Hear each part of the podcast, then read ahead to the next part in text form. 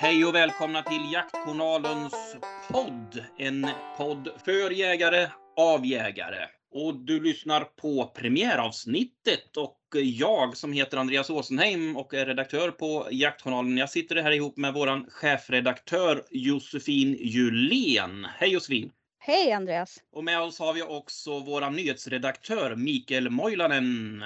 Hej Mikael! Jajamensan, här är jag. Ja, Josefin, hur känns det här då? Det känns jätteroligt. Det blir ju ett sätt för oss att eh, nå ut på fler plattformar med det arbetet vi gör på eh, webben och tidningen med nyheter. Det är också ett bra komplement. Det är svårt att köra bil och läsa tidning samtidigt. Men då kan man ju lyssna på oss. Det blir ju inte ett, eh, en uppläsning av nyheter som en Dagens Eko, men det kommer ju vara mycket nyhetsfokus. Innan vi drar igång ordentligt så tänker jag att det är bra att ni kanske får veta lite mer om oss tre som sitter här och pratar. Därför tänkte jag att vi ska börja med att eh, låta Josefin presentera sig lite mer noggrant. Ja, jag heter Josefin Julén och har varit chefredaktör på Jaktjournalen sedan eh, sommaren 2022. Jag började på Jaktjournalen 2021 Eh, på vårkanten där. Jag har varit journalist i 20 år och de, ja, innan jag kom till Jaktjournalen så jobbade jag med krimjournalistik i ungefär 10 år. Och eh, Jaktjournalens huvudredaktion eh, finns i Vårgårda i Västra Götaland. Och där sitter jag och mina hundar och ibland kollegan eh, Per Jonsson. Så det är så stor huvudredaktionen är. Och så här presenterar sig Mikael Moilanen. Hej, Mikael Moilanen heter jag.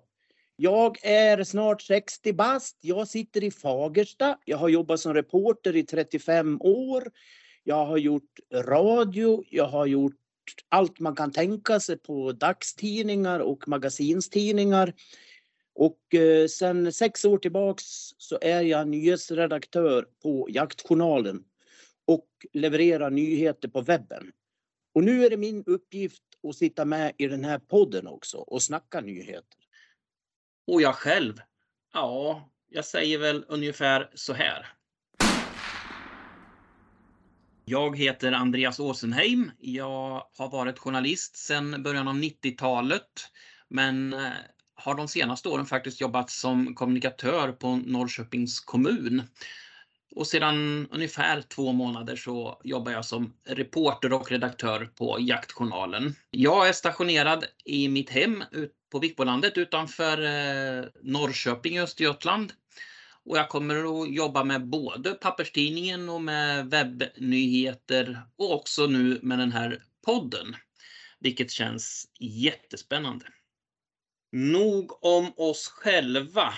Nu ska vi gå vidare. Varför en podd, Josefin? I första hand så gör vi en tidning och driver en nyhetssajt. Podden blir ju ett sätt att komplettera nyhetsarbetet. Tanken är väl här sen så, att, så småningom att vi också kanske kan plocka in andra röster, olika experter, olika jägare från, runt om från landet. Ja, precis. Att göra en, en regelbunden poddradiosändning är ju nytt för oss. Men eh, webbradio har vi, har vi ju gjort på tidningen eh, under flera år med inslag då och då kan man säga. Och mycket kommer ju av att Moilanen har en radiobakgrund. Och nu började du hos oss i januari Andreas och du har ju också radiobakgrund. Så att, att inte ta det här ett steg vidare är ju också lite av ett resursslöseri tycker jag. För podd är ju ett jätteroligt format att uttrycka sig i. Vi var ju inne på det att eh, Mikael har radiobakgrund och jobbar mycket med nyheterna. Mikael, vad, vad kommer att vara din roll i den här podden skulle du säga? Ja, jag ska sitta här och vara trevlig och prata med er och snacka om det som är både mitt levebröd och mitt stora intresse naturligtvis, jakten och jaktens framtid. Josefin, vad är våran tanke med podden? Hur, hur ofta kommer vi komma ut och hur kommer upplägget vara? Ja, det är frågor jag helst inte vill svara på. när vi nu spelar in första avsnittet. Men eh, tanken är ju att vi tar avstamp i nyhetsarbetet. Det är ju något som alltid pågår. där är det också väldigt roligt att vi kan vända oss till Moilonen som har jobbat med att skriva jaktnyheter i väldigt många år, vilket gör att han ju också har ett otroligt perspektiv i de här och kunnande i frågorna. Men eh, utöver att prata om nyheter och kanske vad som händer liksom bakom kulisserna eller hur man jobbar med vissa nyheter, vad som kan vara intressant, så, eh, så erbjuder formatet att eh, vi kan eh, prata med experter på ämnen. Vi kan också göra fördjupningar om vissa saker. Jag själv har tidigare jobbat med kriminaljournalistik i tio år ungefär. Så det är ju något som jag tycker är väldigt roligt eh, när man gör fördjupningar i, i brottsfall och liknande. Ramarna är ganska vida för den här podden kan man säga och lite eh, arbetets gång kommer också utforma den. Sen beror ju allt också på vad som händer liksom nyhetsmässigt och säsongsmässigt. Och jag tänker också att, att det har ju en, en, stor, naturligtvis en stor betydelse om vad, vad de som kommer att lyssna på oss vill ha av oss. Så jag tänker att det är väl jättebra om de som lyssnar också tipsar och, och kommer med förslag och sådär. Ja, man får jätte, jättegärna höra av sig med frågor och förslag, alltså direkta frågor eller ämnen. Och då kan man mejla till podd, P-O-D-D, snabela jaktjournalen.se. Så ser vi vad som kommer in där. Eh, det som har varit på tapeten eh, när vi spelar in det här mycket är ju eh, jägaren Erik som fick ganska dryga böter. Du har ju skrivit artikeln Andreas, du kan väl berätta kort? Ja, men precis. Ja, men det var ju en, en, en, en jägare då som han eh, höll på att stycka ett, ett rådjur hemma och eh, fick avbryta det där arbetet för att skjutsa sin grabb på, eh, jag tror det var hockeyträning. Men när han kommer några hundra meter hemifrån så ja, där är det en poliskontroll som gör ja, nykterhets och fartkontroll så att säga. Och då får han då frågan om han har något vasst i bilen. Han är ärlig och svarar att han har en kniv med sig. Och där börjar väl den här historien kan man säga. Han, han blir helt enkelt dömd eh, så småningom här eh, för brott mot knivlagen och får, jag tror det var 21 000 kronor eller någonting sånt där i böter. Och den här nyheten har ju engagerat våra läsare, läsare något enormt alltså. Det är över 100 000 som har läst den där artikeln och det har startats en insamling till förmån för, eh, för den här jägaren. Det är ju inte svårt att relatera till det. Det har ju det är ju inte en gång man har gått in på ICA och så har kniven hängt kvar i bältet eller på bensinmacken eller liknande. Nej, det är ju i och med att man är på till och från jakt och sådär och man har ju ofta en kniv hänger i bältet som sagt. Och, och jag, jag vet ju många på landsbygden som kanske eh, tycker att det är en bra idé att ha en, en verktygslåda med, där bland annat innehåller en kniv eh, som står i bilen för jämnan och sådär. Så att jag tror att det, det som engagerat i den här historien är ju mycket det här med att det är svårt att förstå. Dels att, att man sitter i sin egen bil och att det räknas som en allmän plats då. Men, men också det här att eh, han kom från styckning och han skulle hem igen till den här styckningen. Alltså han, var, han hade ju en anledning att ha den här kniven, vilket också tingsrätten skriver. Alltså att det var legitimt att ha kniven när han styckade och han skulle hem och stycka igen. Men han borde då ha lagt av sig den här kniven hemma. Mikael, vad, vad tror du det är i det här som, som gör att engagemanget blir så stort?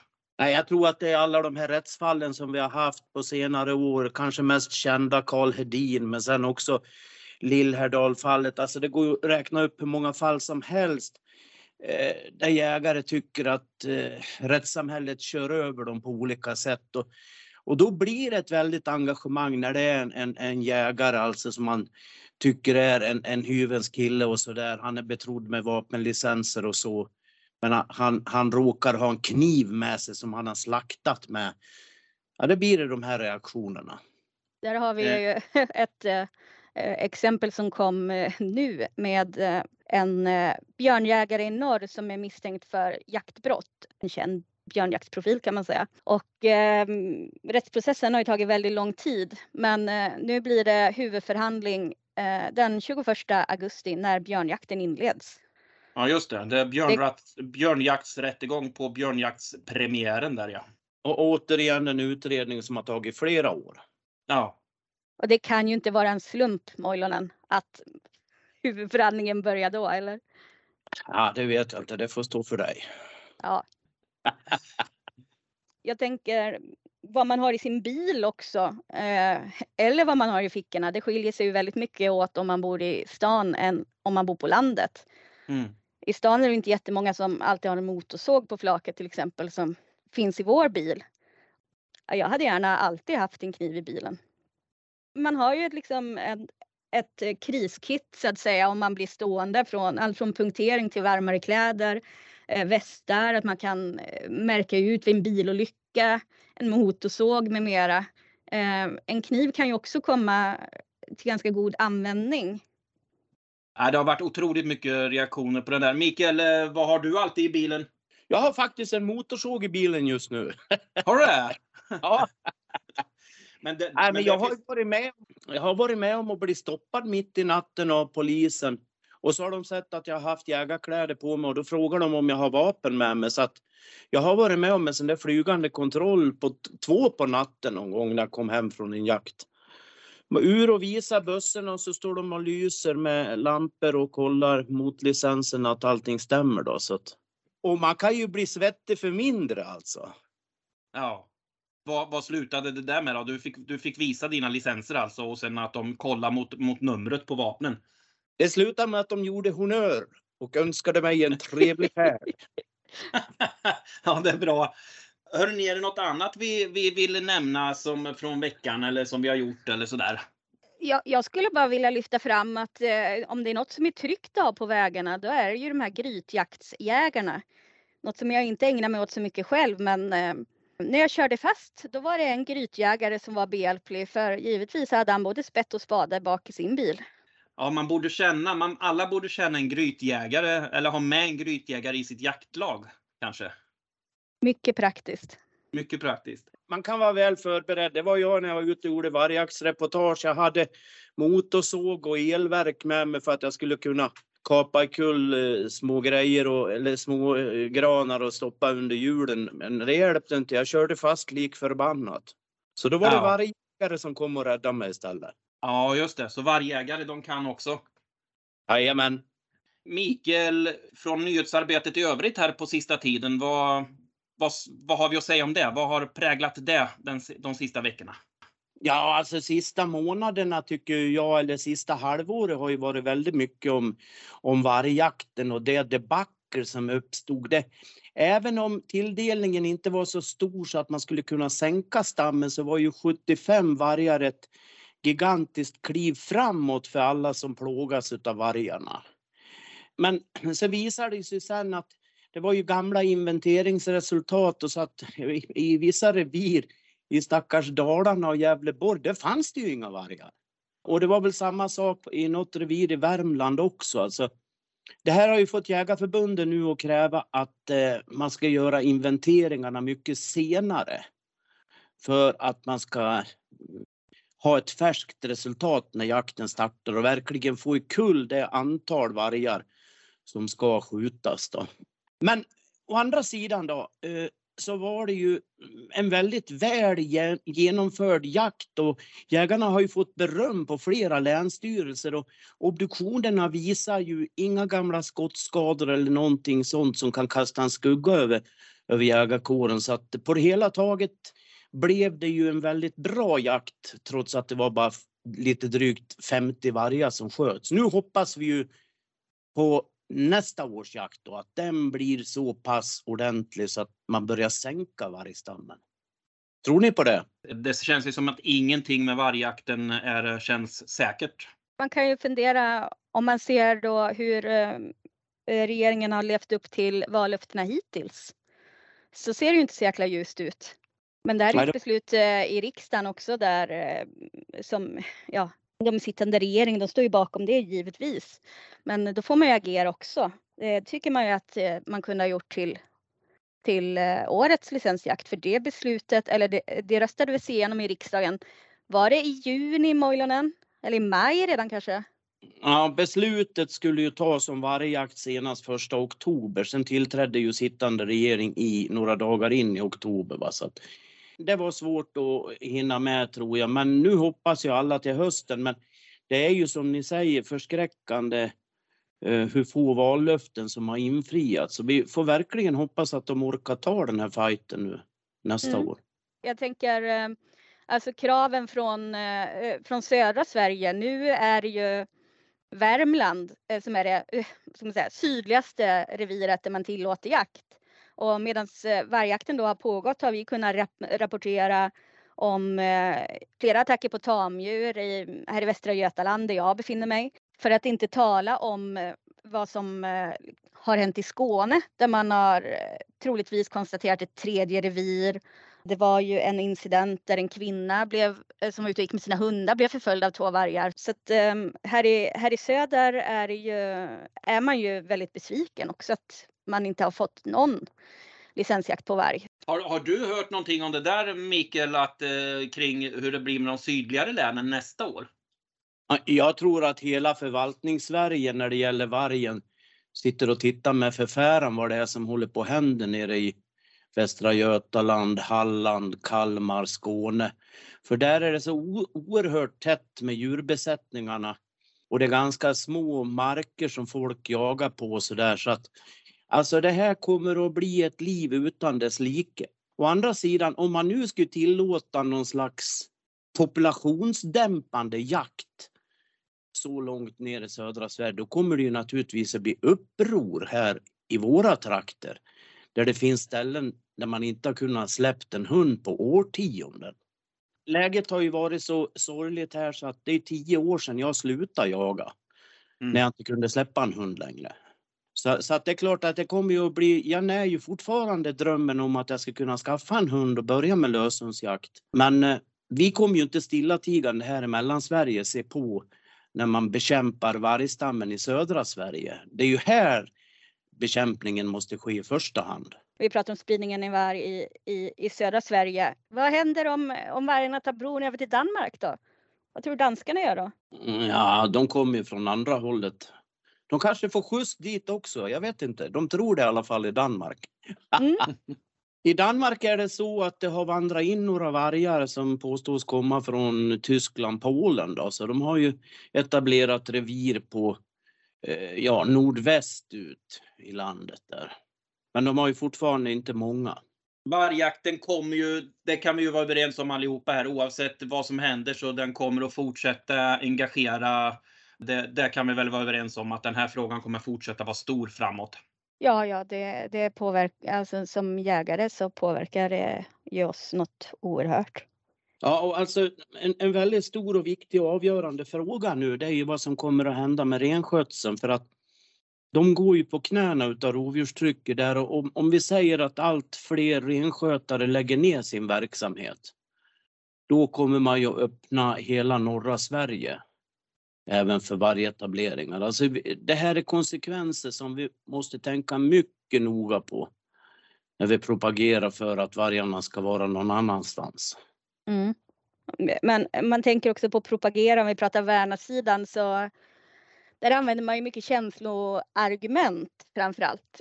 Du har ju haft eh, lite av en vana där Mojlonen att slå hål på, på det mesta. Eh, och nu då när det är lodjursjakt, kan du inte berätta vad det, vad det var som hände senast? Ja, men det kommer ju hela tiden från Värnasidan påståenden som inte är sanna helt enkelt. Man slirar på sanningen och det otäcka är att jag tror att man gör det helt medvetet. Man skiter i om det inte var riktigt sant för att det är ungefär som i krig. Man, man sprider en propaganda och då vet man att det får fäste hos väldigt många som inte kan ifrågasätta det där kritiskt och sen blir det överspelat liksom. Eh, och Rovdjursföreningen tycker jag har ju förvandlats närmast eh, till en sån här fabrik där man nu sprider halvsanningar, i vissa fall rena lögner. Eh, och i ett par fall så har vi lyckats bevisa att det var lögn också. Nu tänkte jag inte närmast på Rovdjursföreningen utan en, vad heter någon militanta jaktmotståndare som de var väl ute på sin egen Facebook-sida eller var de nu uttrycker sig och, och sa att de hade räddat si och så många lodjur undan oss mördare vid licensjakten förra året. Ja. Ja, och det var ju inte mitt avslöjande utan det var ju naturligtvis Bert Eriksson på Länsstyrelsen, besiktningsmannen där. Han stod ju och tittade på dem när de var där i lågskor och stod och rökte och ville var, att han... det, var det där? Det var uppe i Dalarna, ja. De stod och rökte och eh, ville att han skulle hjälpa dem med att ta selfies. Eh, och sen försökte de följa efter en hundförare men Efter någon timme kom de tillbaks och frös och enligt Bert så hade de lågskor. Men det har tillbakavisats av organisationen själv. Det var en ren lögn. Kan vi fastslå att de frös i alla fall? Nej, inte. Det har jag bara från en källa så det kan jag inte säga hundraprocentigt. Men de störde ingen jakt i alla fall, det vet vi. Nej, alltså de djuren som skulle skjutas, de sköts ju. Det är ju så enormt stora arealer det här som det rör sig på. Det finns ju inte en chans alltså att man ska kunna täcka in det och vara med och störa på alla kanter. Och är de på ett ställe och stör, ja då flyttas väl lodjuret och drevet till något annat ställe. Jag vet till och med att det, det, finns någon historia från Norge. Jag vet inte om det är en skröna, men där skulle aktivister ha skjutit upp raketer, vilket fick till följd att vargen sprang rakt in i passkedjan på andra sidan. ja, det går inte alltid som man tänkt sig faller väl det inom. Hörrni, ska, jag tänker att vi ska börja runda av lite grannar. Men vi ska väl återigen, tänker jag, hälsa lyssnare välkomna till Jaktjournalens podd. Fortsätt gärna följa oss här och vi kan avslöja redan nu att vi väl kommer ha lite lodjurs, lodjursjaktsfokus i nästa avsnitt. Vi ska väl kanske inte säga så mycket mer om det, Josefin, eller vad tycker du? Nej, vi håller det lite öppet. Eh, tanken är i dagsläget att vi ska släppa ett avsnitt varannan vecka och eh, nyhetsflödet får lite ge innehållet där också. När det här avsnittet eh, är släppt då har jag varit på IVA-mässan i Nürnberg. Ja. Eh, och det kanske är jättegamla nyheter när, när nästa avsnitt kommer men ehm, vi får hålla jo, det lite det öppet. Det där tänker jag att vi måste prata lite om. Det där är ju jättespännande. Det, det är väl världens största jakt, jaktmässa det där va? Så nu, nu tänker du alltså utöka utgivningstempot direkt? Nej, det menar jag inte, men, men oavsett, jag menar, det, det, vi vill ju ha lite, lite skvaller, tänker jag. Mm, jag, ska, jag ska göra mitt bästa, och då tänker ni om prylar främst då, och inte om så här, grossister och handlare eller? Vad? Det beror ju på vad grossisterna och handlarna gör, tänker ja, jag. Ja. Du Josefin, du ja. skickar ju tidningens skickligaste reporter till den där mässan. Du kommer att gräva fram saker som ingen annan journalist hittade. Och så avslöjar vi en hel del här i podden, tänker jag. Eh, vad ser du fram emot i, i, i fortsatt arbetet med den här podden, Mikael? Jag tycker det ska bli så skitkul. Alltså, jag har ju tänkt på det här i det är 15 år sedan som min kompis Ola pekade på det här och sa varför startar du inte en podd för? Och det har jag gått och grunnat på hit och dit och nu är jag ju på doman alltså. Jag lyssnar ju på allt mellan himmel och jord så det är så fantastiskt kul att jag också får vara med nu. Ja, fan vad härligt. Ja, men det ska bli grymt kul att få göra det här och det ska bli kul att göra det med er. Och Mikael, nu har vi kommit fram till en punkt i den här podden som du står bakom. Ja, nu är det dags för veckans roliga så här lät det när SVT Jönköping intervjuade en länsstyrelsetjänsteman om vargreviret som har försvunnit där. Finns det indikationer på att vargarna har skjutits eller tagits av någon? Vi har inga indikatorer på, på något sådant, nej. har, ni, har ni hört något liknande? Men det är lite gulligt nästan, tycker jag. Ja, men precis. Att eh, oron över att någon har kommit och tagit de här vargarna. Det är som om någon har lämnat vargarna ensamma i en olåst bil på en parkering. Jag funderar på hur, hur tänker man sig att det skulle gå till om någon tog en varg? Och sen är jag så otroligt fascinerad av den här länsstyrelsetjänstemannen. Att han inte brister ut i gapskratt över frågan. ja, det, ja. det får man ju säga att det hedrar honom. Absolut man har ju ställt en del eh, inte så genomtänkta frågor genom åren som journalist så att det kan ju hända men eh, det går ju också att klippa bort. Ja. Det här inslaget det återkommer varje gång vi har våran podd. Jag eh, lovar att till nästa avsnitt ska jag eh, plocka fram en gammal goding som folk har önskat i repris. Ja, det är underbart. Vi ser redan fram emot lite, vad ska vi kalla det då Mikael? Det blir retro-skoj nästa vecka. Jajamän. Och med det finns det bara en sak kvar att säga och det är hej då. Hej då! Hej då! Hej då! Gå i frid!